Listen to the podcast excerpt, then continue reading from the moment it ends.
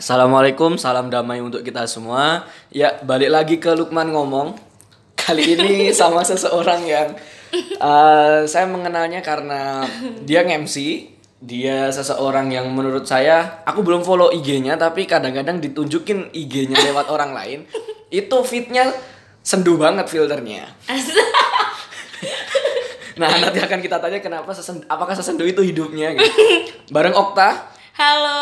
Panjangnya siapa sih, Tak? Aku nggak tahu namamu. Eh, Oktaviani Intan Riaza. Oke. Ya namanya kayak bukan Islam ya. Emang, emang, eh, emang di mananya letak nama Islam tuh contoh apa? Contoh nama Islam. kayak em, Siti siapa gitu atau Ah. Zahwa Anissa. atau Anissa. So waktu aku SMA aku pernah apa namanya ditanyain gitu agama lu apa sih waktu pas belum waktu belum pakai jilbab Iya. iya tapi ya padahal SMP aku pakai jilbab Apa sama mbak lepas? pakai tapi lepas pasang kayak kayak orang kebanyakan. iya orang ya. Allah Ya Allah langsung gibah. iya Eh, Okta, hmm. eh, first of all I would say thank you so much sudah mau tak ajak ngobrol Hmm. di sela-sela training ya mau mau, mau ada kerjaan juga. Ini di- ini ngomong-ngomong ini studioku loh. Wes keren ya studionya. Studio Keren banget. yang dibantu oleh STI. Studio terus apa nih? Es degan. oh iya. ya ampun. Terima kasih ya SDG-nya Lana dan kawan-kawan namanya apa sih? Kut, Mawut. Nah, ini salah satu produk kewirausahaannya STIE. Dia sekarang ngambil kelas kewirus dan harus bikin something harus dia jual. Banyak ya sponsornya. Kemarin kemarin digratisin warung makan Oh iya. sama kopi beneran. Beneran. Nah, itulah kenapa aku ambil podcast. Satu, Oh iya. satu cari ilmu, dua cari Cari sponsor. Bagus sih kak. Gitu. Kayak kamu berani bikin movement. Kayak aku pernah sempat kepikiran bikin podcast tapi Hmm. kayak, duh gue kan public enemy nanti emang ada yang dengerin. Sepublic enemy kamu kayaknya lebih public enemy aku deh. Masa sih? Enggak tahu sih.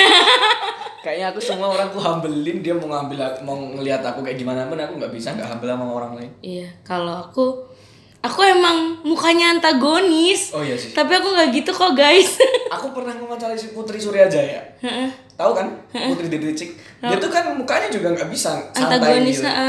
Tapi dia padahal pribadinya humble sekali. Really, aku bener-bener bisa orang di pinggir jalan aku ajak ngomong. Hmm.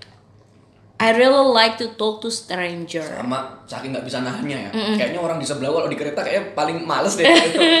Kayak eh, mbak mbak misalnya orang eh, lagi apa namanya antri makanan. Mbak, mbak antri nomor berapa gini? Lama banget ya mbak gini gini gini. Dah terus habis itu ngobrol ngobrol ngobrol. Pernah ngobrol di kereta sampai akhirnya tukeran WhatsApp alumni STIE ternyata. Cewek cowok. Cewek. Oh, keren cowok. Terus dia sekarang di mana atau gimana? Ada Eh, hubungan lagi nggak? di ada di KAP di mana? Jakarta. Oh gitu. Hmm. Lu lu lu dari pedet lu gua ya kayaknya. Iya lu gue. Jangan aku aku nggak bisa sih. Kayak jelek banget aku Lu kamu di aja mana, kali ya. Lu di mana? Lu di mana lu? Kayak aku kamu. I- Iya kayak pertama aku aneh ngomong aku kamu. Karena itu kayaknya di di apa sih pandangan orang sana kalau aku kamu tuh udah Halus deket banget, ya. Ah, enggak sih aku sama pacarku juga gue elu. Gimana ya kalau di sana tuh aku kamu kayak eh, sound so cute gitu loh kayak ih cute Oh, oke. banget gue so cute gitu cuman ternyata di sini ya Jogja banyak merubah okta sih. Yo, Oh, gitu ya. sick. Ah, tadi kamu ngomongin soal aku nggak bisa nggak humble sama orang lain dan lain sebagainya. Hmm. Nah, kamu nyadar nggak bahwa lah aku kok kayaknya nggak bisa nahan apa yang aku ingin katakan ya dan kemudian kamu menyalurkannya terhadap dunia MC or and any other thing itu mulai kapan A- atau kamu menyadari deh aku seneng ngomong gitu dari dari ke- kecil kah atau gimana Dari kecil tuh aku dipanggil Susan Karena? di keluarga. Tahu kan boneka Susan itu bawel. oh yang oh yang itu Susan, Susan. Susan. Kalau kecil jadi? Iya, kalau gede mau Kecil, jadi apa ya? Iya itu, dari kecil udah bawel. nggak bisa nggak ngomong. Iya, jadi bener. kamu ekstrovert dong Really?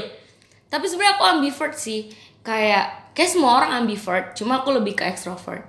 Aku extrovert, intuitive, feeling and judging, ENFJ. oh gitu Ya. Pernah- Pernah, tes MBTI nggak? ah itu aku mau nanya ke kamu aku belum pernah soalnya itu gimana Oh ya. Nanti kamu dikasih pertanyaan kayak gitu. then uh, you have to answer one by one gitu. Terus nanti keluar aja hasil tesnya. ENFJ itu kayak Oprah Winfrey. Nah, Uh, terus habis itu siapa? Abraham Lincoln. Mm. uh, naturally born to be a leader. But I don't think so that I tapi that I'm born to be a leader.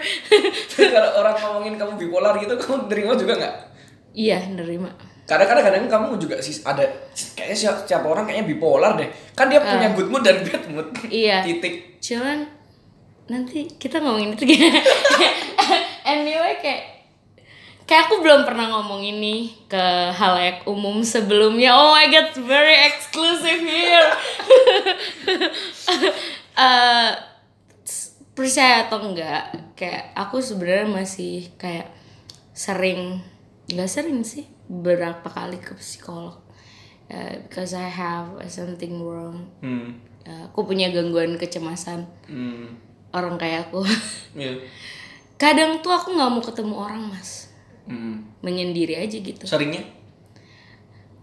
when I have a very bad day or a very big problem gitu eh, kayak people gonna say that eh, kamu tuh kurang sholat or something gitu. Hmm. Enggak men. Kayak apa ya? Aduh pengen nangis. Kadang ada beberapa problem yang orang nggak tahu. Kalau orang kayak aku tuh pasti punya problem kayak gitu. Eh, aku ekstrovert tapi aku susah. Susah meluapkan apa yang aku rasain.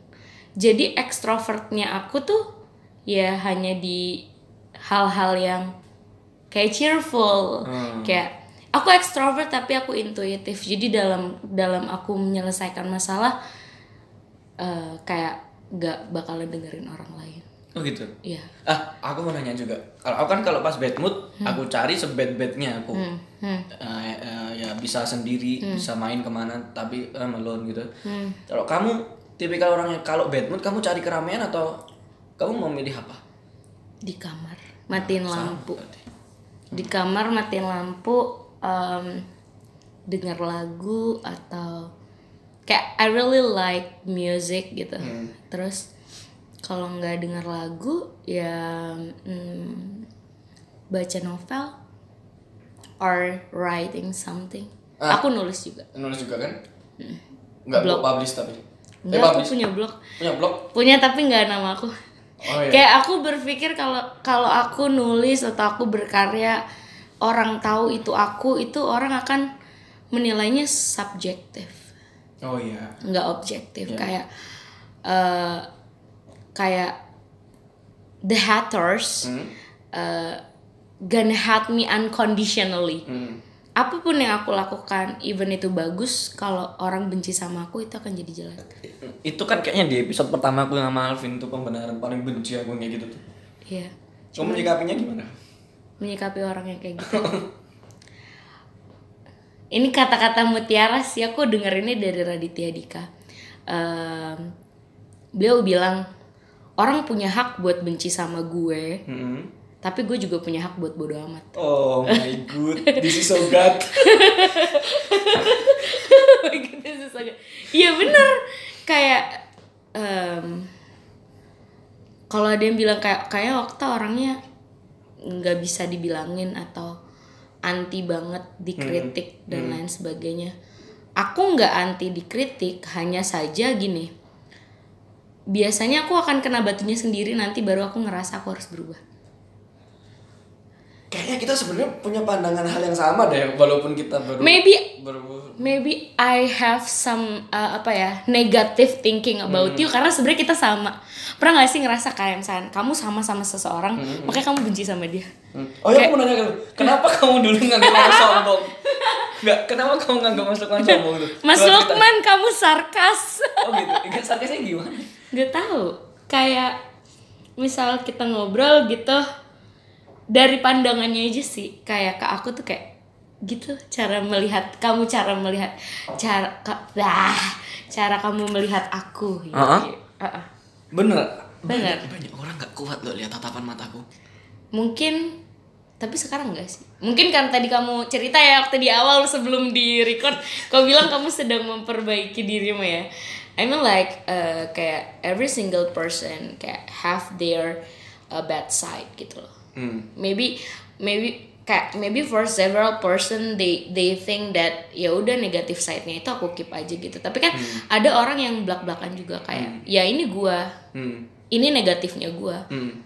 lo kalau menerima gue silakan kalau nggak nerima gue ya udah Termasuk aku bikin podcast ini sebenarnya kayak gitu juga, Okta. Iya. Jadi aku mau belajar dari orang lain, aku juga nggak bisa nahan, aku nggak bisa nggak ngomong. Ha. Plus aku juga kenapa dua arah? Biar ini bukan pandangan Lukman doang. hmm Pandangan orang lain soal kayak gini gimana sih? Aku mau Oke. ngelemparin itu sebenarnya. Sambil juga ya aku dulu nggak tahu medianya apa. Serius, aku dulu apa sih kayak kalau YouTube aku juga kadang-kadang insecure. Seorang sekayak gini ya. Iya. Si extravert. Ekstra. Extra bukan extrovert lagi extravert aku kan ekstrovert nih ekstrovert ini aja aku kalau di sekarang sekarang ya kayaknya di shoot gitu kayak aku aduh aku juga insecure aku sama udah muka mulai aku. hapusin muka muka aku di IG juga udah setahunan terakhir juga. Aku hapusin muka aku semua. Percaya nggak sih? Hmm? aku kalau setiap mau ngepost di IG pasti aku mikir berkali-kali. Kayak orang mikir gue centil gak ya? Kayak orang mikir gue aneh gak ya? Orang mikir gue ini gak ya? Orang mikir gue itu gak ya? Gitu. Padahal orang itu pasti ngelihat Okta tuh kayak yang gila hidup lu santai banget ya kayak ngelakuin apa aja yang lo suka gak mikirin omongan orang. Kayak ya ini nggak bisa ini nggak bisa di kayak aku pengen ngomong kasar. Gak apa gak apa di sini di sini banyak orang ngomong kasar. Kayak like hell bitch gitu kayak Ya. semua orang tuh pasti pernah insecure Iya, iya. Gak mungkin Iya. gitu even Agnes Monica tuh Ah, pasti dia pernah ah. ngerasain insecure deh ya kayaknya. iya kayaknya nangis banget apalagi gue yang cuman apa, apa ini kalau aku gini sih kalau kamu kalau aku tetapi kan untuk hal-hal yang move on Hmm. aku nggak insecure kamu tau nggak sih kenapa aku semangat terus bikin podcast nggak why aku udah empat hari ini ngomong PTW aku empat hari ini udah nggak upload Hmm. dan itu ternyata ada beberapa message masuk ke DM ku. Yang ngomong kayak gini tak. Apa? Dan itu sebenarnya sinyal yang aku kirimkan. Ternyata ke deliver. Dia ngomong kayak gini coba. Ya beberapa orang sih ada tiga empat orang itu ngomong kayak mas eh, sebenarnya itu Mas Lukman sedang mengirim kode bahwa sosmed ini tidak hanya untuk mengumbar kehidupan pribadi iya. tapi untuk spreading goodness juga. Yap. Nah, nah to- tolong dong mas terus gitu. Dia bilang ketika orang lain membuat orang lain insecure, kamu justru membuat ini. Itulah poinku kenapa aku ah kayaknya aku kalau ada waktu take a podcast, take podcast gitu. Di balik kesibukanku yang lain. sebenarnya jelek sih insecurity itu ya Di bi- enggak di bidang tertentu kayaknya semua hal itu A dan B deh tak. Iya sih, cuman kalau menurut aku kayak terlalu insecure juga nggak baik kan semua hal yang too much itu nggak baik ya. Iyalah. Itu di ayat Al-Qur'an surat keberapa ya? Aduh, Oke, kita lupain soal pribadi dulu. ya oke. Karena aku taunya kamu adalah seseorang yang organisator sih. Atau salah aku ngomongnya? Maybe. Aku tuh hidup di antara dua pilihan ya mas kayak eh, between kamu mau jadi orang yang aktif di organisasi atau kamu mau jadi orang yang aktif di kayak lomba-lomba gitu karena aku mikir aku nggak bisa menjalani keduanya gitu kalau kamu lomba kamu menang itu untuk diri kamu sendiri untuk ya untuk Achieve. pribadi kamu achieve something gitu. But if you uh, apa ya join to organization gitu and you make something kayak acara-acara gitu, then uh, you give your idea there yang itu bakalan ada impact ke orang lain, positive impact ya. Kayak it will be better. Kayak aku lebih memilih untuk membuat sesuatu yang berguna buat orang lain daripada sesuatu yang aku achieve untuk diriku sendiri gitu. Jadi semangatnya itu. Iya. Keren banget loh. Sampai diem dari. Aku pengen aku tahu wajahku antagonis but I really love to make something buat orang-orang di sekelilingku pengen nangis ngomongnya. Karena apa ya? Ketika aku merasa bahwa aku mendapatkan sesuatu dari apa yang aku kerjain aku tuh pengen orang lain tuh dapat impact yang positif gitu loh. Kayak mm, misal aku bikin SMB kemarin ya dibantu oleh teman-teman yang sangat hebat. Kalau nggak ada mereka aku nggak bakal bisa bikin yang kayak gitu. Yap. dan ketika ada anak 2019 bilang ada waktu itu omongan ke aku aku pengen jadi kayak Mbak terus aku nangis aduh, so deep man. It's so deep man. It's like bahkan aku nggak nggak bikin sesuatu yang hebat banget menurut aku itu masih belum apa-apa gitu. Tapi ada orang yang ngelihat aku tuh kayak aku pengen jadi seperti dia. Kayak, makanya setiap kali aku mengeluhkan hidupku semangat aku adalah banyak orang di luar sana yang pengen jadi kayak aku. Jadi aku harus menjalani hidup aku sekarang. tuh waduh keren banget jadi impactnya segitunya ya maksudnya kadang-kadang kita nggak dibayar pun nggak apa-apa tapi ada kata kayak gitu ada orang yang datang ke kita kayak yang terus yang inspirasi kayak gitu kayak ya aduh itu nggak bisa sih di, dibayar dengan dengan Itu berapa priceless. iya sih Sama kayak kamu buat podcast. kamu jiwa nanti It's kamu, a very good movement. kalau, Evan. kalau kamu nangis nangis aja nangis Aku tuh orang yang kalau pengen nangis terus lihat orang lain tuh kayak aduh Eh, malu. tapi dulu ada loh satu sahabatku ya, dia sahabat deket SMA gitu ya. Hmm. Waktu itu aku ditanya sama seseorang gitu soal hal yang ini sensitif dan karena mungkin bisa membuat aku nangis. Padahal aku paling anti nangis kalau ah, nggak penting gitu ya. Hmm. Temanku langsung nyeletuk coba. Hmm. Bubar, bubar, bubar sambil gede kan. Dia bikin jokes yang akhirnya memecah konsentrasi kita untuk ke fokus ke situ gitu loh. Hmm. Karena dia nggak, karena dia nggak mau lihat lihat lihat lihat aku nangis gitu. Hmm. Waktu itu lah. Nah, Iya. kembali ke tadi kayak kamu ngomong bahwa ah saking too much dan kamu benar-benar ber, berharap ini akan menjadi sebuah big deals gitu ya akhirnya orang lain mungkin agak mikir ini orang ambisius ini orang kayak gini dan aku mengalami itu tak tenang aja ada di sisi itu tapi itu sama nggak sih relevan nggak sih ketika yang terkesan ambisius di mata orang lain padahal kita sedang mencapai titik yang di mana ih ini akan keren loh kalau kalian mau sabar aja gitu ya. Sama nggak sih? Sama orang yang ini agak sorry ya. Soal ini love. Misal nih si cowok. Tandanya sayang too much sayangnya ke si cewek dia kayak yang dilarang-larang. Hmm. Relevan nggak sih sebenarnya? Maksudnya gini loh ada orang nih kalau bahasanya anak sekarang nih apa namanya posesif posesif pos- pos- posesif gitu ya. Itu tuh bener nggak sih ketika kita too much ya akhirnya orang meni- menangkapnya adalah sisi jeleknya. Apa ya? prolog tuh panjang banget. Ya. Tapi btw gini kalau if we we gonna talking about love nggak tahu kenapa aku ambis tapi aku nggak gitu kak. Kalau Hmm. di percintaan aku bodoh. Lupain lupain. Kembali ya gitu. kalau enggak ya contohnya waktu SMB ya mas Hmm. kan. Aku bekerja sekelilingku orang-orang hebat semua gitu. Hmm. pada akhirnya semua kepala-kepala itu pasti ada yang nggak suka sama aku. Karena mungkin melihat aku terlalu ambisius melihat aku terlalu pengennya aku dan lain sebagainya itu Alvin yang ngerem aku. Kayak Alvin Farhan eh, mereka kayak ada saatnya hal itu harus diikhlaskan. Kayak nggak semua tuh bisa 100% gitu. Uh, then I try to uh, apa ya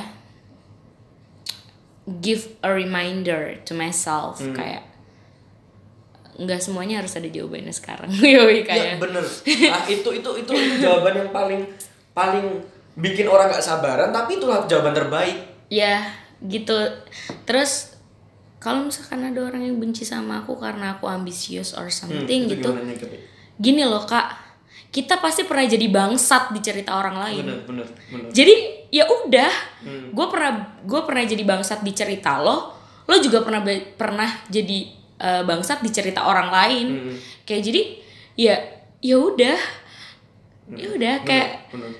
kamu nggak bisa 100% jadi orang baik orang. bahkan nabi pun punya kekurangan Hmm. bahkan nabi pun ada yang nggak sukain gitu kan gimana ya bahkan ada orang yang nggak percaya Tuhan yang sesempurna Ya, itu ya, ya. apalagi kamu cuma organisme kecil Hmm. yang bahkan eh, kalau dalam Islam kan kita terbuat dari tanah ya. Hmm.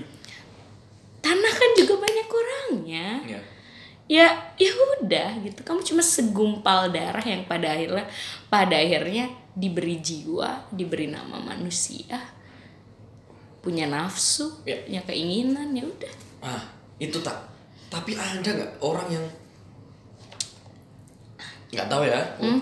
maksudnya gini eh, temen yang dulunya sevisi Ah. temen yang mungkin itu tergolong deket lah buatmu Hmm. gitu. Hanya gara-gara menurut dia too much you you too much gitu. Hmm. dia akhirnya nggak jadi inner circle lagi gitu ada di, banyak. di kehidupan- oh ada. Banyak. Kayak but I really love them.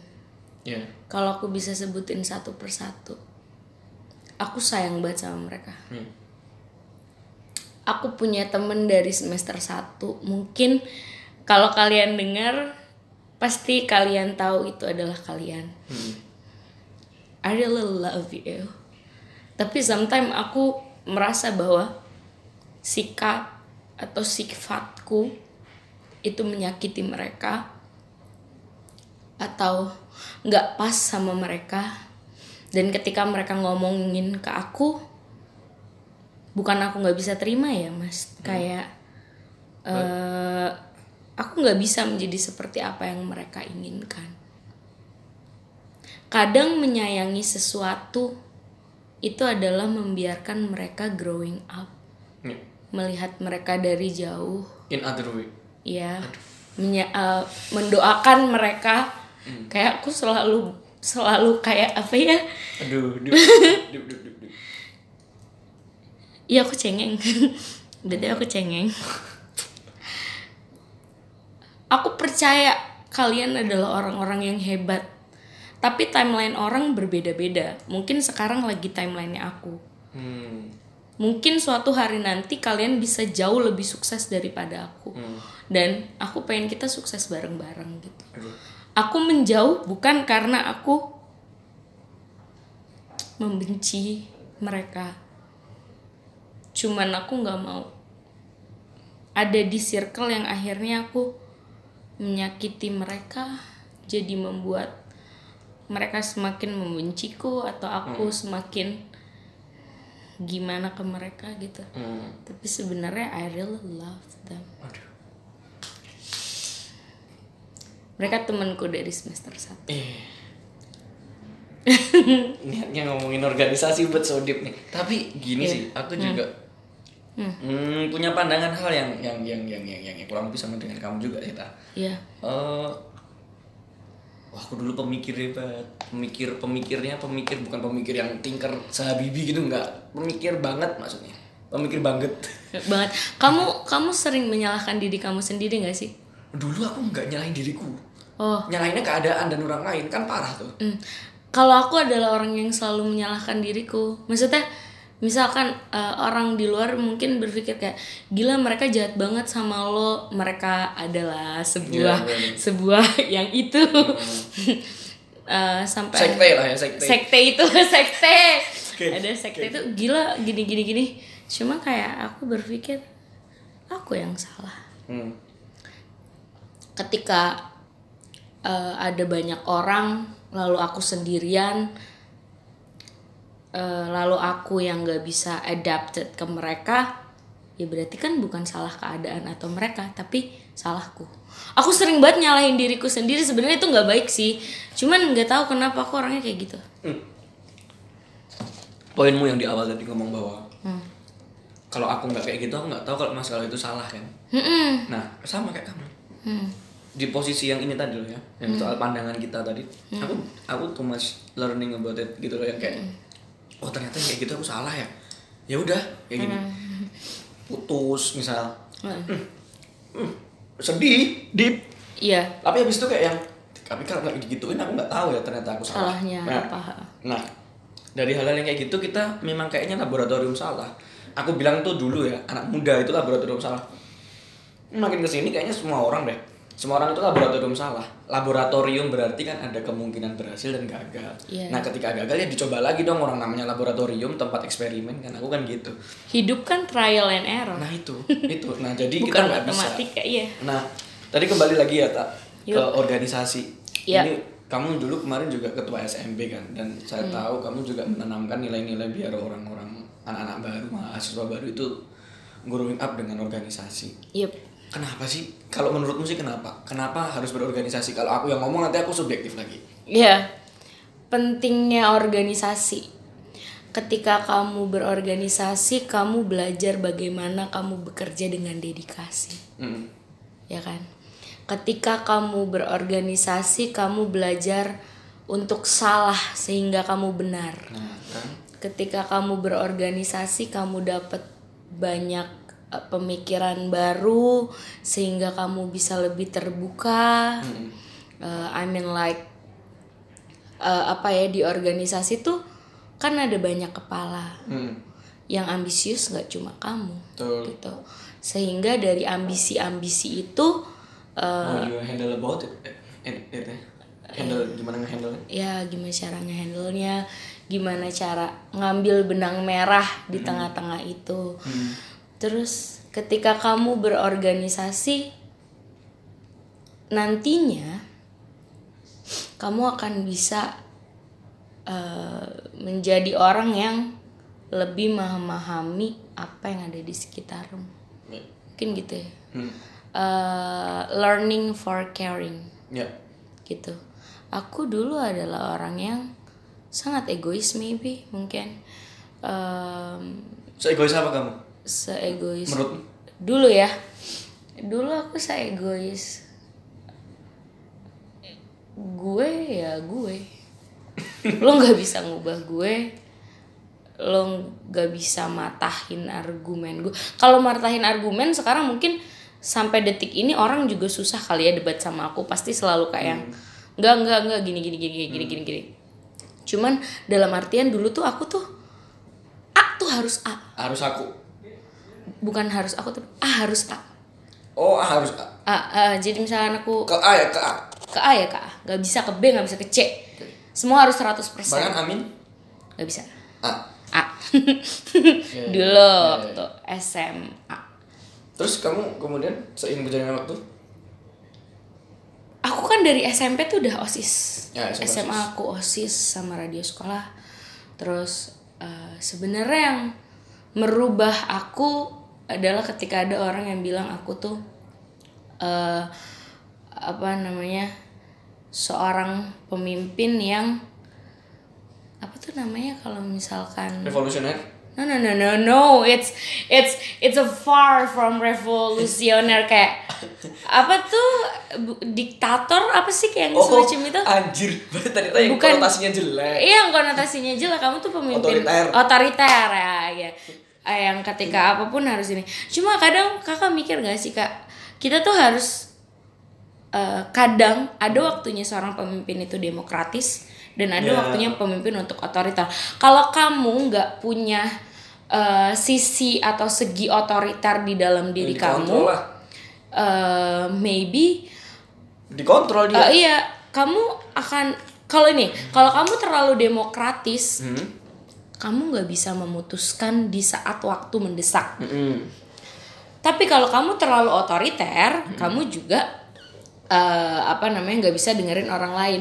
Makanya kita tuh sebagai seorang pemimpin nantinya harus tahu kapan kamu otoriter, kapan kamu demokratis gitu. Nah pentingnya organisasi tuh untuk itu gitu. But sebenarnya gini kak, eh, nggak cuman organisasi yang bisa bikin kita kayak gitu. Mungkin eh, learning from Tongkrongan? something around us iya eh, cuman kalau organisasi tuh kita nanti kelihatan aslinya ketika kita membuat sesuatu. Kalau di tongkrongan kan kamu cuma ngebacot aja. Betul. ya kan? Tapi kalau kamu di dalam organisa eh, organisasi you creating something. Hmm. Eh, nanti di situ akan kelihatan mana orang-orang yang bekerja untuk dedikasi mana orang-orang yang bekerja untuk pengen dilihat itu kelihatan. Eksistensi. ya. Ah kakak kakak pernah ini gak sih kak? Eh, kayak misalnya you have to choose between idealism or existence Yap. Kayak kamu tahu deh kalau aku lebih ke idealis. Gimana ya? Aku tuh gini, kalau misalkan eh aku harus memilih eksistensi, tuh udah lo berjuang biar lo jadi eksis bla bla bla bla bla bla tapi kadang lo bisa gagal. Tapi if you choose idealism, Hmm. kamu tetap pada patternmu di idealismemu, terus tiga ketika kamu gagal, at least kamu tetap berpegang teguh. Jadi kayak kamu tuh konsisten. Hmm. Iya, iya. Ketika kamu tetap memilih idealismemu, bukan berarti I'm sorry buat orang-orang yang mendengar terus berpikir kayak, ih Allah tuh gini gini gini gini gini. By the way gini loh, eh, aku sekarang masih tetap sama idealismeku aku nggak maksudnya nggak nggak menjadi orang yang tidak konsisten sehingga aku akhirnya yang tadinya aku ngomong A jadi B Hmm. B jadi C aku nggak kayak gitu tapi aku tetap eksis Ya, ya, ya, ya, ya. eksis sama orang-orang yang memang menghargai aku Yang sefrekuensi gak sih? Iya. Jadi buat yang nggak yang nggak satu frekuensi, bukan berarti aku menjauhi orang-orang yang nggak satu frekuensi sama aku. Aku seneng banget kalau nemu orang yang nggak satu frekuensi sama aku. Tapi terkadang ketika mereka ngejudge aku jelek, yang jadi akhirnya jadi negatif side buat aku, ya aku sedikit ngekip ngekip itu sih. Hmm. Cuman eh, aku senang mendengar pendapat orang yang berbeda sama aku kayak gitu. Jadi yaudah gitu deh. Lalu organisasi titiknya adalah berarti dia harus dia balancing itu tadi ya. Itu itu mbak temuin di organisasi tuh. Dedikasi sih lebih banyak. Mbak, mbak temuin banget. Iya, Gak dedikasi sih. dibayar, suruh tiap malam atau ya kan? Uh-huh. But I very like to do that. Orang nggak akan nilai kita di hari ini jawaban dan hasilnya. Ya. Mungkin dari apa yang kita kerjain itu bukan bukan itunya yang kan kita dapatkan, but di in other way, on in other day nanti, oh ternyata ini tau gunanya dulu. Nah itu akan banyak kita temuin tuh. Iya. Ya sebagai orang yang sudah lulus dari S1 saya merasakan. Iya. Sombong. Gak apa-apa kalau Lukman gak bercanda. Tapi apa-apa. jujur ya, Okta, memang nggak bisa dipungkiri. Teori tertinggi di Maslow kan aktual kamu akuntansi ya. Mhm. Manajemen diajari di tertingginya seorang di teori Maslow itu aktualisasi diri. Mhm. Nggak bisa dipungkiri seorang introvertnya kayak gimana, dia juga pengen ada muncul di hari-harinya dia kadang-kadang gitu. Hmm, aktualisasi diri. Aktualisasi diri itu tertinggi. Dan kalau bahasa kita eksistensi tadi gitu. Iya, iya. Nah, terus aku mau nanya, Tapi eksistensi itu ada negatifnya, Kak. ya ada. Ya, Iya, ya makanya ada. sebenarnya kalau misalkan kan aku sering banget kan nge-deactive account Hmm. Instagram. Hmm. Ya itu karena aku aku merasa terkadang aku nggak butuh paling benci eksistensi. sama orang yang yang ini. Apa? Kamu diaktif ya? Iya. Eh, kalau di private enggak kan? Enggak, aku nggak Aku, aku paling benci sama orang yang private akunnya. Mungkin itu buat- Gunanya apa coba bikin sosmed kalau nggak bisa dilihat orang? mungkin dia pengen sama inner circle aja kali ya. Ya udah bikin grup WA. Anjir. Ya orang beda-beda. Eh sumpah ketawa aku jelek banget by the way. Iya, padahal kamu radio SMA loh. Kamu dilatih untuk ketawa yang sopan loh. kan tadi katanya di podcastnya suruh jadi diri sendiri. Ya iyalah. Kalau aku nggak jadi diri sendiri, aku mending jadi kamu. Sok-sokan jadi kamu. Nggak perlu kamu ngewawancara. Aku kayak Hudson tuh loh. Gimana Okta? Iya masuk kan. kan jelek. Ah, Iya. Oke. Terus aku mau nanyain lagi. Kamu nok wah hujannya. Alhamdulillah. Es degannya enak kan? Enak. Oh enak sekali Ciwon Laut. Terima kasih es degannya udah mau habis. Iya, enak. Es degannya. Eh ngomongin tadi yang ah, ada kaitannya dengan dirimu tadi kan cerita di awal. Hmm.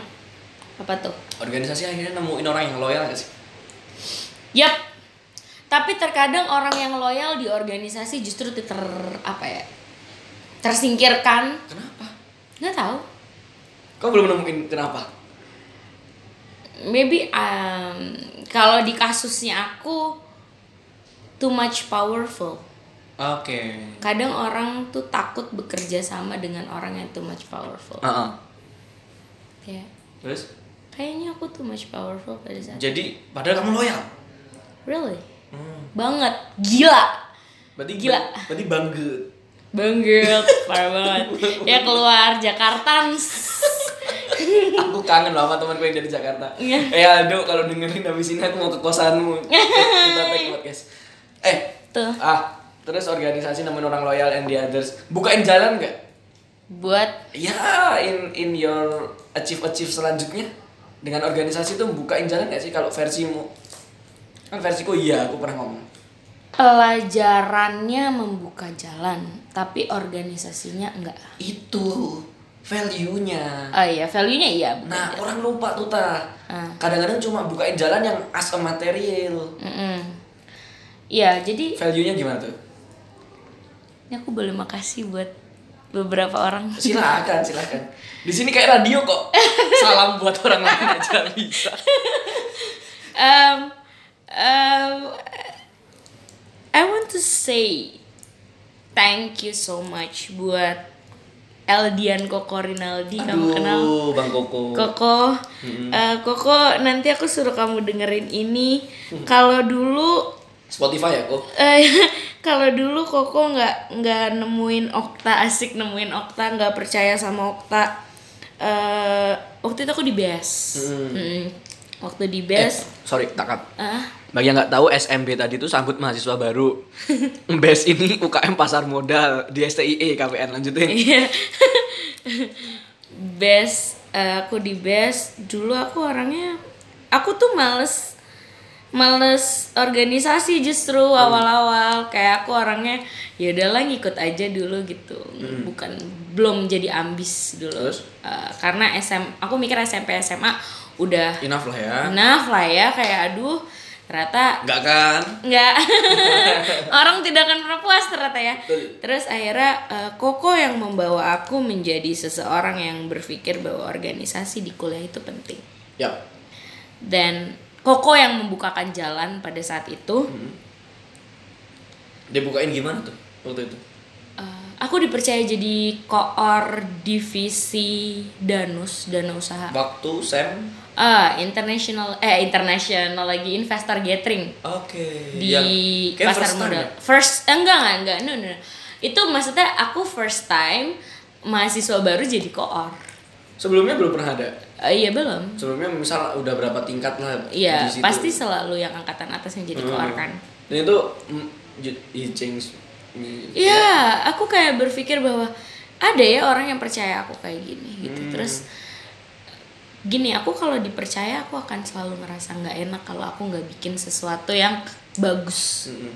Jadi when people trying to believe in my uh, apa ya, in my job gitu, job das, I mean, ya aku kan ngelakuin yang terbaik. Mm. Tuh orang pertama, Koko. Ya. Orang yang kedua adalah ini kayaknya orang nggak akan pernah percaya karena gue sebenarnya juga kayak kadang kesel juga sama dia gitu. Siapa, siapa? Kak Reza, Reza Gua? ketua HMJA. Gua? Iya. Kenapa sih playboy itu? Eh, I want to say thank you buat Kak Reza. Nah, ketua HMJ tahun 2014 ya? Eh, Mm-mm. iya nggak sih? Barenganku, aku kan eh, prematur. 2000 berapa sih? Ya itu dia pokoknya. Kamu 2015. 2015. Iya, 15. Eh, 16 ketuanya. Oh, 16. Oke. 16 ya Allah. Kak Reza dulu eh dia nanya gini. Pertama kali di STI ini kan eh, aku berpikir aku tuh tidak pernah menunjukkan diri aku tuh siapa, Kak. Jadi they don't know that I'm good at English Hmm. or uh, I have a basic things in English gitu. Bagi yang nggak tahu nanti aku kasih subtitle bahasa Cina ya. Ya, terus habis itu Kak Reza tuh bilang kayak gini, kamu pinter bahasa Inggris ya? Ayo gabung di international seminar. Itu the Trik first klasik tai. itu the first international seminar di kampus Trik- ini. Trik dia yang paling klasik. itu trik yang paling klasik ya. Tai. Tapi by the way, kalau misalkan waktu itu Kak Reza nggak ngajakin aku di international seminar juga kayaknya aku nggak bakal di sini sekarang. Hmm. Nggak bakal ngobrol sama kamu, kamu nggak bakal tahu aku. Oh gitu tak? Iya, karena itu adalah titik balik dari semuanya. Jadi Koko yang bukain jalan, Kak Reza Terus? yang memberi jalan. Bukannya kita kenal waktu kamu jadi MC-nya itu. Itu after that ya? After that, MC. aku jadi MC pun kan karena dua organisasi itu. Berarti itu tak pikir-pikir tai ya kamu partner sama Andoko ya. Kenapa? Yang satu kayak gitu, yang satu. Tapi akhirnya, nah itu tadi, sorry. Eh, kita bicara agak makro dikit. Ah, Menem, ketemu orang-orang yang kayak gitu tuh. Hmm. Akhirnya kamu ke, after that kamu ketemu lagi dengan yang kayak gitu, kayak gitu, kayak gitu tuh. hmm. Sebenarnya poin dari ketemuan-ketemuan itu semua tuh apa sih sebenarnya bagimu? Itu jalan kayak dari Tuhan. Tuh loh, tak poinnya. Organisasi tuh medianya aja. Iya, Gitu loh. kayak itu jalan dari Tuhan. But I will say thank you so much buat Koko dan Kak Reza. Oh gitu ya. Dua orang itu. Eh anjir emang kue tak tadi kue ngomong bahwa punya pemikiran kayak gitu dan aku langsung kayak yang eh ini aku versi cewek gitu kan Iya. terus ini ngomongin Koko sama Reza ya sama aku juga punya orang yang Ya di dua week dua itu salah satu dari bagian tahap-tahapanku. Oh, Lu iya. tau nggak? Koko tuh kesel loh sama aku gara-gara waktu itu. Nah ini aku belajar dari kesalahan. Hmm. Salah ucap hmm. ketika satu acara yang niatanku adalah baik gitu loh. Tapi aku bercanda dan kebercandaanku itu yang mungkin karena orang lagi bad mood tak bercandain ya tambah ditangkapnya yang hal-hal yang enggak enggak dan Hmm. itu sensitif sih dan aku minta maaf soal itu. Kalau gua gua itu adalah bagian dari ketika ketua umum. Believe or not, Hmm. GMH now aku gak aku mau sombong nih sekarang. Hmm. GMH now itu bisa karena kita udah taruh tuh milestone milestone tahapan-tahapan yang Hmm. batu-batu yang dulu kita tahapin ya. Ya organisasi kan dinamis Nah, betul kan? Dan kalian kembangin itu dengan luar biasa keren hari ini. Terima kasih juga. Gua gua itu Erdo ya. ya kayak itu itu Andre ya kalau sebutin semua ketua aku sebutin. itu bareng aku pernah mencetuk ke orang gitu ya. Aku nggak kaget tuh kalau ketua-ketua barenganku tuh di kemudian hari jadi menteri gitu aku nggak kaget. Ya, they are very banget. powerful. Nah, itulah gunanya organisasi tak. Hmm. Nah, sorry aku agak throwback lagi ke pertanyaanku tadi. Kenapa Hmm. membukain jalan? Karena aku tahu kamu ikut international conference or apa namanya sebenarnya? Uh, Asia Youth International Model United Nation. Gimana tuh kamu bisa join ke itu? Aku serius itu hal yang kuimpiin dari dulu dan dan aku belum mencapai itu. Every single person kayak talking about that. Sebenarnya aku tuh bingung ya kak kayak enggak ini bukan bukan salah satu kesombongan but aku tuh bingung kenapa aku juga diterima. Sorry, nggak usah nggak usah bicara ini sombong atau enggak. Ah. Sebenarnya kita niatin ini untuk memotivasi orang Iya, lain betul, aja. betul, Nggak betul. usah bicara ah nanti orang lain ngomong sombong itu berarti nggak sefrekuensi Iya, aja. tas dulu dong. Lanjutin. um, international conference ya berarti um, pertama Let's story about it. ya gini kamu tahu aku pernah menjadi calon ketua Ya, itu ya, X ya. Tahu. boleh aku sensor ya Nggak tahu, aku tahu. Iya. calon ketua dan eh, aku nggak menang Ya. aku nggak menang dan aku tidak sama sekali ditawarin untuk menjadi bagian dari itu lagi setelah aku uh, itu. Tapi gini kak. Aku berterima kasih kepada orang-orang yang ngeset. Mungkin itu aku nggak tahu itu di setting atau enggak Mhm. Eh, kalau memang ada yang ngeset aku berterima kasih untuk kalian semua. Karena had things and bad things happen itu tadi sehingga itu membawa aku ke Asia Youth International Model United Nation jadi gini sak gimana ya kalau ditanya patah hati terbesarku adalah bukan diputusin cowok tapi patah hati terbesarku adalah aku dihianati Hmm. oleh ex itu Ya, ya aku tahu. then I start to think gimana aku get up Ya, ya. Terus gimana tuh? Aku lihat di uh, Instagram Hmm. about international conference. I think that I don't want to join uh, any organization again. Kayak gue nggak mau ikut organisasi lagi. Gue takut gue disakitin lagi pada akhirnya sama orang-orang di dalam situ gitu. Ya, terus aku pikir aku mau ngapain ya? Ya. karena aku bilang kan tadi di awal sebelum di record aku orangnya nggak bisa diem kak gitu. Hmm. Terus aku ngisi form serandom itu aku Form ngisi online? form online Hmm. Nggak era ya form kertas.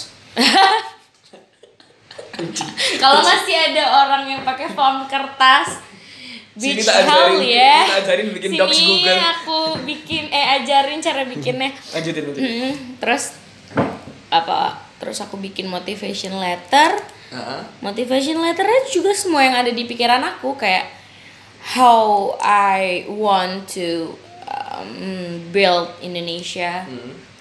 because I really love to be Indonesian Ya. tapi aku nggak suka aja terkadang orang sama sebenarnya gini kalau dasar kamu orang plus 62 bla bla bla bla bla bla Iya, iya. ya itu orangnya Hmm. mentalitinya yang salah gitu terus Kamu kirim tuh aku kirim jawabannya. Maaf, Nggak, orang nggak. ada tujuh salah. tujuh tujuh hari kemudian kan harusnya aduh aduh, aduh tujuh hari kemudian kan harusnya ini ya pengumuman Hmm. aku tuh nggak ngecek email kak Karena kamu pesimis. karena aku kayak yang ya udah Ah, ngapain sih? Kemarin Ngapain aja iseng gitu. Iya, bukan iseng nggak iseng juga sih cuman kayak ya gitu under lah ya. underestimate myself Ya, gitu loh terus pas tiba-tiba aku lagi buka email tuh mau ngirim tugas tugas kelompok Hmm. Terus ada tulisannya Asia Youth International Model United Nation gitu kan. Aku buka letter of acceptance kayak what the hell Waktu kayak. itu yang pertama kali kamu lakuin apa? Setelah dapat pengumuman bahwa kamu menang? nangis. Nangis terus nangis. kayak eh gue bisa ya? Gila gitu. Sujud syukur. Dan syukur. Eh, ke kamar adikku. Oh kan di kamar mandi. enggak ke kamar adikku terus aku ngasih eh, apa namanya emailnya terus aku peluk adikku terus aku nangis aku telepon mama papa Asik. Berapa hari terus kemudian kamu berangkatnya? Berapa bulan atau berapa hari? ya, itu kan ada step by stepnya ya kan Ya. Oh iya iya iya lanjutin. Eh. Terus Eh, ada step by stepnya setelah itu kayak aku cari sponsor karena itu kan pakai uang ya. Akhirnya kamu dapat sponsor di kampus kampus ini. Ya Thank you STI. Thank you STI YKPN kalau nggak ada STI mungkin aku nggak dapet uang Mungkin kita nggak bisa take podcast di sini. Iya, karena aku nggak berangkat. Iya terus, hmm. terus juga apa namanya? Habis itu aku udah bayar payment pertama, dapet tuh konselnya. Hmm. Alhamdulillah aku dapet yang sejalan sama jurusan aku, Hmm. International Monetary Fund. Hmm. Tapi aku dapet negara Kamerun. Hmm. Baru pengenmu? I don't even know where is Kamerun tadinya. Iya. Samuel Eto'o pemain bola kamu nggak tahu? Lanjutin. Kamerun ternyata di uh, Afrika, Hmm, ya kan? Afrika. Dan ya udah. Kamu taunya Burkina Faso, Nah. Trinidad, Trinidad Tobago, Kepulauan Salomon gitu ya? Iya, yang cuman situ-situ aja. Fiji. Parah banget sumpah. Enggak, enggak, enggak. Enggak semua negara itu bagus. Ya bagus lah. Terus terus. Terus habis itu akhirnya aku ya udah kan di situ kan kita disuruh bikin ini kan apa working paper. Working papernya itu temanya waktu itu cryptocurrency. Ya.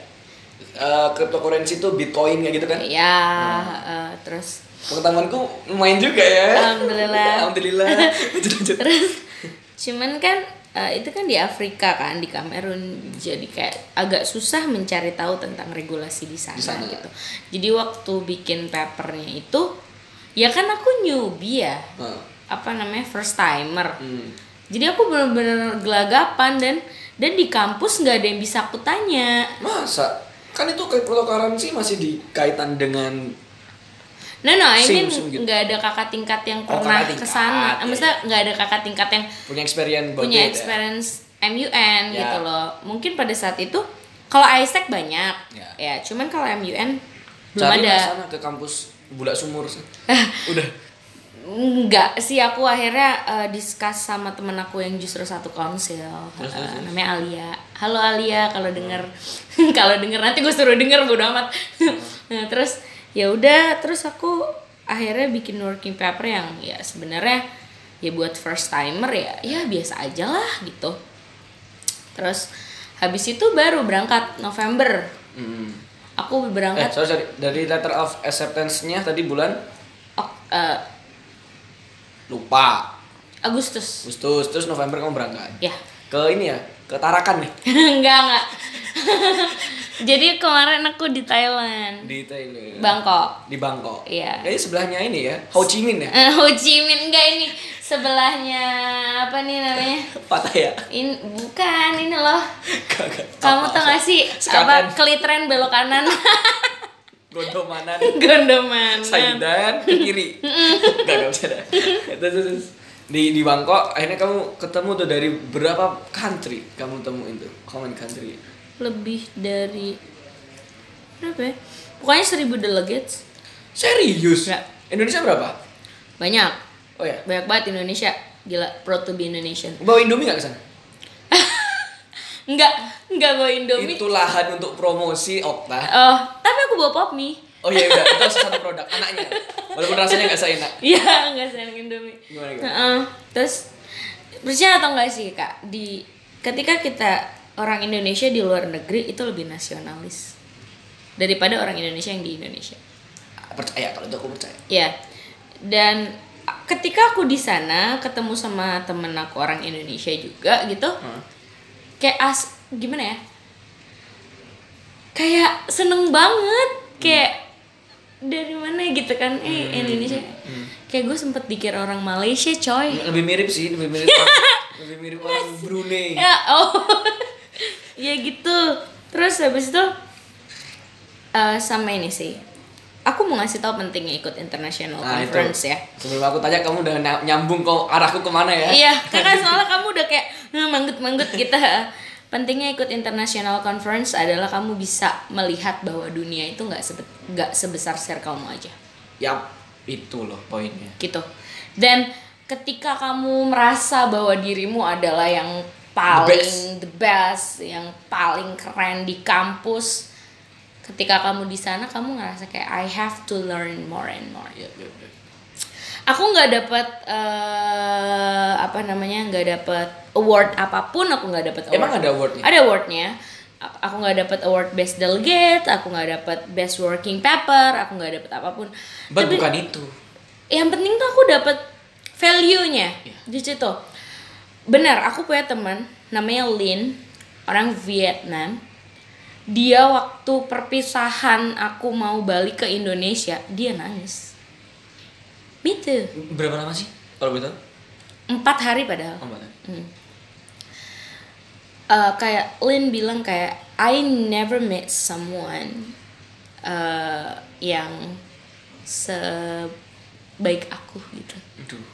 Padahal aku banyak banget nih kayak every single person maybe kayak have a negative thinking about me gitu loh. Maksudnya negatif apa ya? Dan dia sampai dan dia ngomong kayak gitu. Dia ngomong kayak gitu. Berarti kan oh oh ya yang yang dimulai dengan hati akan selalu sampai ke hati juga. Asik.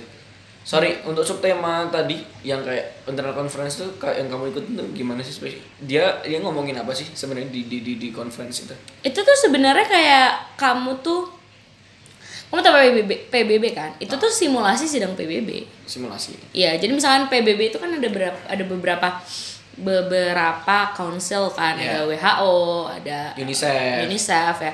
Nah, kayak gitu terus mereka kan membahas permasalahan-permasalahan tertentu di jadi dunia. jadi all around topik ya Iya, tapi aku dapat council IMF. OMF Masalahnya adalah cryptocurrency. Kamu pro atau kontra? kamu waktu itu ngangkat Aku pro. bro berapa Eh, karena dari segi regulasi, aku kan tidak membawa diri aku sendiri. ya benar aku Uh, tahu karena aku uh, mem- waktu itu aku representatif buat Kamerun kan. Iya, iya. Jadi menurut aku uh, seharusnya di Kamerun itu pro cryptocurrency. Hmm. Karena cryptocurrency mempermudah mereka dalam bertransaksi ya gitu. Itu untuk Kamerun. jadi di matahari ya gitu. Terus habis itu dari situ aku bertemu dengan orang-orang hebat lain kak ya around the world. Hmm. Uh, and I glad to know Ashley. Hmm. She is a most outstanding delegates of my uh, apa namanya council di IMF namanya Ashley. Nah, Gila, kamu harus tahu ya. Hmm. Aku nggak bilang orang Indonesia semakin pinter semakin sombong, tapi kenyataannya banyak yang kayak gitu. Iya. Tapi aku kayak aku di uh, situ di di council IMF waktu itu banyak orang-orang yang cerdas. Justru mereka mau memberitahu. tuh kan semakin tahu semakin semakin tahu malah semakin ingin sharing ya Iya. Dan dari situ aku kayak yang gila, Hmm. lo keren banget Hmm. gitu. Jadi makanya itu yang membuat aku kayak yang kalau aku punya ya aku share. Kecuali kalau aku nggak punya ya Oke. aku mau share apa gitu. Terus eh, terus di international conference juga kamu bisa diskusi kayak about eh, so many topics di dunia ini membuka wawasan kamu, membuka pikiran kamu kayak gak dulu inget gak sih kayak apa namanya banyak banget yang gak suka sama presiden Amerika sekarang siapa namanya Tukiman eh, Trump Trump Trump Trump Iya Donald Trump gitu. Terus aku discuss sama temen di sana, discuss about Donald Trump. Kayak sekarang aku tahu kayak nggak semua yang dilakuin Trump tuh negatif side Kamu tau gak sih, Trump menang lawan Hillary itu aku justru seneng banget. oh ya wow Banyak hal sih yang kenapa aku seneng. hmm. Karena aku seneng orang kontroversial menang. Serius. Iya, and gini, uh, well, why I start to think that Donald Trump is a very good choice for American karena gini, Donald Trump itu pemimpin yang membuat apa ya, negaranya egois. Ya. Terkadang tuh kita harus Akhirnya egois. dia mengembargo negara lain. Ya, maksudnya gini, tadinya Amerika tuh turun loh ekon perekonomiannya, perekonomiannya gitu kan. Tapi dengan regulasi-regulasi yang Donald Trump buat, itu membuat negaranya menjadi semakin mandiri dan itu membuat eh, dolar sangat amat kuat karena regulasi yang dibuat sama Trump. Eh sebenarnya the real of kata-kata Bung Karno berdikari. Ya. Ya udah dan dari situ aku berpikir kayak yang oh iya ya terus aku Hmm, discuss about it. discuss about that terus discuss about oh ini kenapa di Brunei nggak ada bangunan yang boleh lebih tinggi dari masjid. Itu juga kenapa sih? Gini gini uh, gini. value banget sih. Eh, eh, dan eh, aku merinding dengar penjelasan Yeah. dari orang Brunei-nya langsung gitu. Ash namanya. Aku masih ingat aku masih ingat semua nama-nama mereka. Muka-mukanya kayak Jas Hayat yang nyanyi dari matamu. Enggak dia orangnya eh, bes, tinggi besar eh, apa tegap gitu. Ah iya, anak sultan kayak sumpah ya orang Brunei kayak kaya banget oh my god. nggak tahu lagi. Ya emang kaya sih. Iya emang. Terus eh, habis itu aku ketemu ketemu banyak orang. Iya. Dan ketika aku di oh orang Malaysia, Malaysia gitu. Siapa? Ini. Upin Ipin. Nah, by the way aku dipanggil Jarjit loh. Anjir. Karena kan aku kan rame banget orangnya ya kayak hai lala," kayak gitu makanya Kirain kirain Kak Ros. terus aku sering kayak wah gitu kan kayak Jarjit. Itu kan yang wah gitu. Iya sih mirip. Iya gitu dulu aku dipanggil Jarjit pertama kali sama ini Lukman juga namanya Kak Lukman. Iya. Iya, namanya namanya Nick Lukman. So Islami ya. Iya, doctor. He is a doctor. Serius? Iya. Iya, terus habis itu uh, Alif Aiman, Irdina Danisa. Aku Oke. masih ingat semua namanya kayak Iya. Ya gitu deh, aku seneng banget punya banyak teman baru. From- from this- Iya, dari international conference itu. Oke. Itu membuka jalan kalian untuk Oke. ke international conference lainnya. By the way, aku kemarin uh, dapet LOA juga yang ke Malaysia. Terus? Tapi bentrok sama SMB, sambut mahasiswa Oh, baru atau ospek ya. Kirain bentrok sama nggak ada dana. terus bentrok sama SMB terus kan balik ke pernyataan aku tadi di depan aku lebih baik membuat acara yang berimpact positif buat orang lain daripada untuk diriku sendiri akhirnya aku memilih SMB. SMB Oke, let's keep about internal conference. Pertanyaan klasik, pertanyaan yang oh paling benci aku nanyain ini sebenarnya. Iya. Tapi ya tetap ada banyak orang yang masih belajar tentang ini. Gimana akademikmu? Terus gimana kuliahmu asli gitu? Gimana kamu menghandle itu semua kalaupun akhirnya kamu berhasil? Let's sharing about it. buat orang-orang yang nggak tahu aku nggak pintar Sama. menurutku ya nggak tahu ya mungkin Apalagi aku. aku tuh akademik tuh buk gimana ya aku lebih suka materi-materi yang bisa diterapkan Hmm.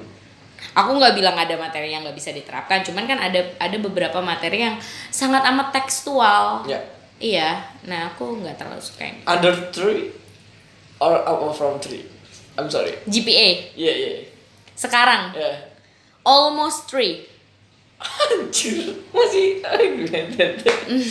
Percaya gak sih? Aku dulu GPA gue 1,33 aku nggak pernah Semester sampai dua. segitu sih Aku segitu tak? Aku 1,33 aku pernah cum laude Oh kamu pernah kumlot? Pernah. Aku gak pernah seumur umur. Jadi 1,33 Habis itu aku organisasi makin down di angka 2 Terus gitu ya. 5 mulai kerja, selesai 4 kan aku organisasi. Tapi nggak meninggalkan sepenuhnya 5, 6, 7, 8 yang wah growing so hmm, gitu. Makanya si Lana, Lana Nafisa pernah ngomong kamu learning terlalu cepat Lukman gitu. Nah akhirnya aku di atas tiga lulus kemarin. Iya. nah poinku adalah nggak ada yang namanya kamu ngomong bahwa IP kamu itu tidak bisa tinggi gara-gara Hmm. kamu nggak paham on the others gitu loh aku lo bisa bagi waktu kalau aku lo tapi kalau aku yang ngomong kan subjektif tuh tak kalau Hmm, kamu betul, gimana betul. Nggak semua orang bisa baik di semua bidang. betul Jadi kayak memang terkadang harus ada yang dikorbankan. Tapi bukan berarti terus kamu kayak eh, aku Menya- kan eh, ya udah, aku kan udah, udah, good di organisasi, aku kan udah good aku ikut tampar eh, juga itu muka Iya kayak gitu. Iya nggak bisa kayak gitu. Kamu harus menyeimbangkan itu.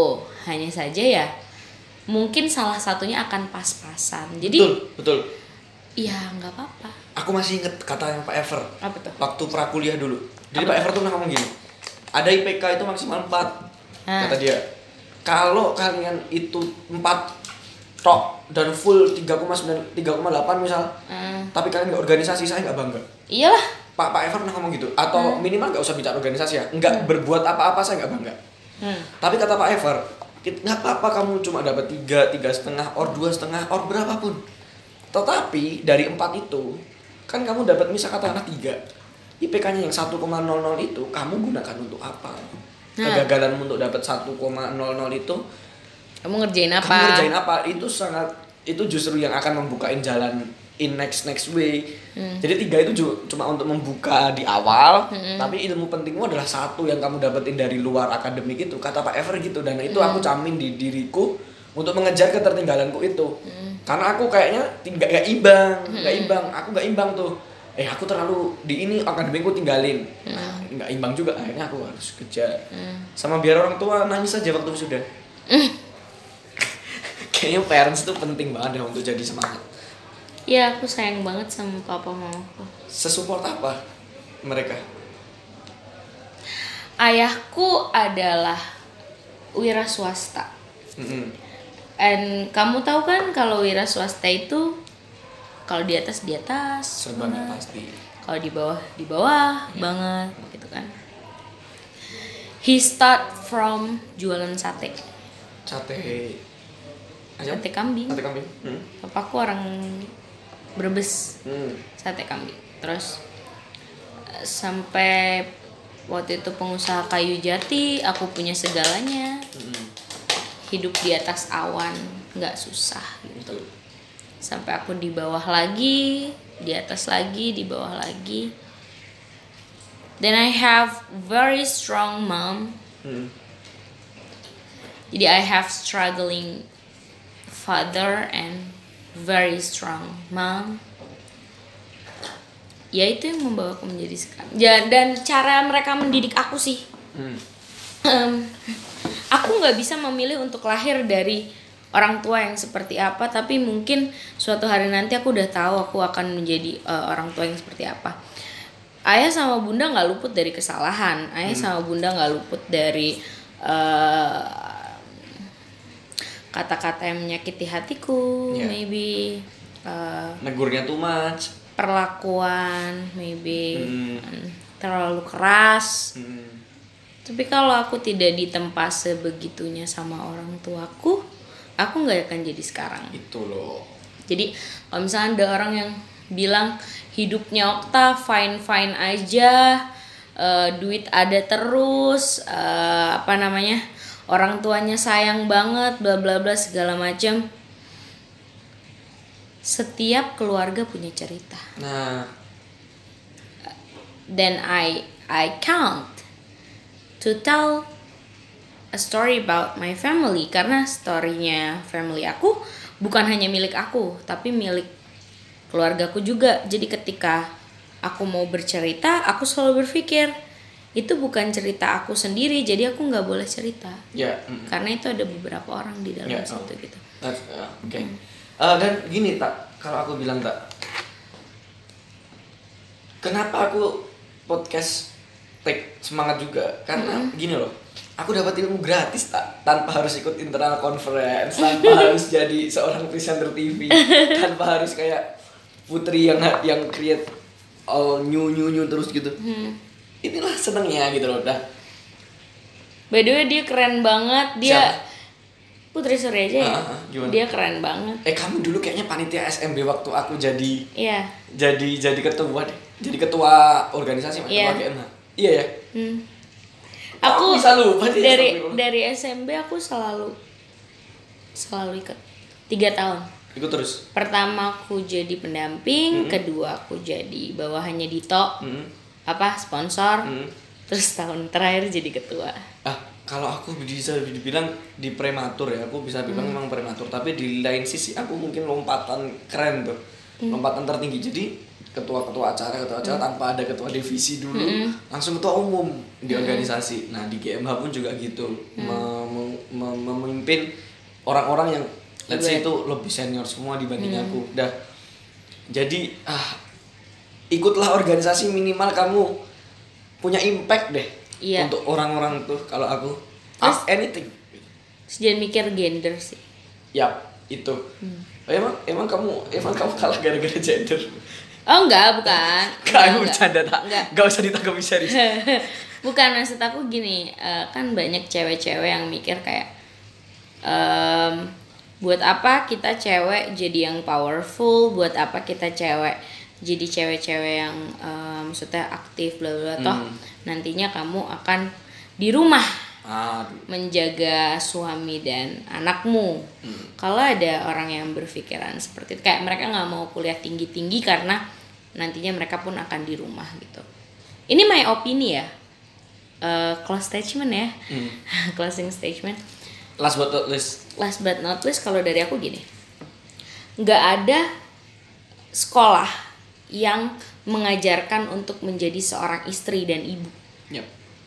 Makanya ketika kamu menjadi ibu kan kamu adalah sekolah pertama anakmu. Mm-mm.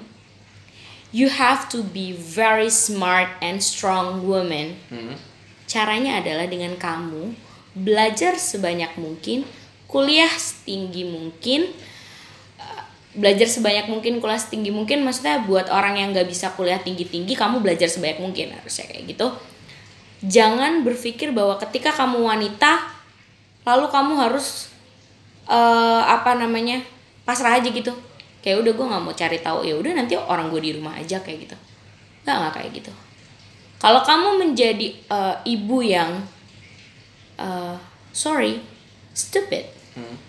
nggak ngerti apa-apa. Lalu siapa yang mau ngajarin anak kamu buat jadi smart? Gitu. Jadi aku sekarang belajar lebih banyak. Aku sekarang pengen kuliah setinggi mungkin, bukan untuk membuat laki-laki berada di kakiku Hmm. tapi justru untuk menjadi tiang atau pondasi dia nanti untuk mengurus anakku supaya anakku nanti jadi very smart person yang bisa berguna buat agama, Yep. buat negara, Nah, buat ayah dan ibunya nanti di surga. ya. Buat Om Lukman juga. Iya Om Lukman. Amin. Nanti kita ketemu lagi ya, Om Sun. Lukman. Om Lukman. Ada lagi yang mau disampaikan tak? Sebelum aku tutup. Aku bilang makasih banyak buat Kak Lukman udah Oh, ngasih aduh, eh, apa namanya media buat aku sharing, buat aku sharing. Terus aku juga makasih banyak. Akhirnya aku bisa memberitahu ke Kak Lukman dulu aku nggak suka sama kamu. Gara-gara apa?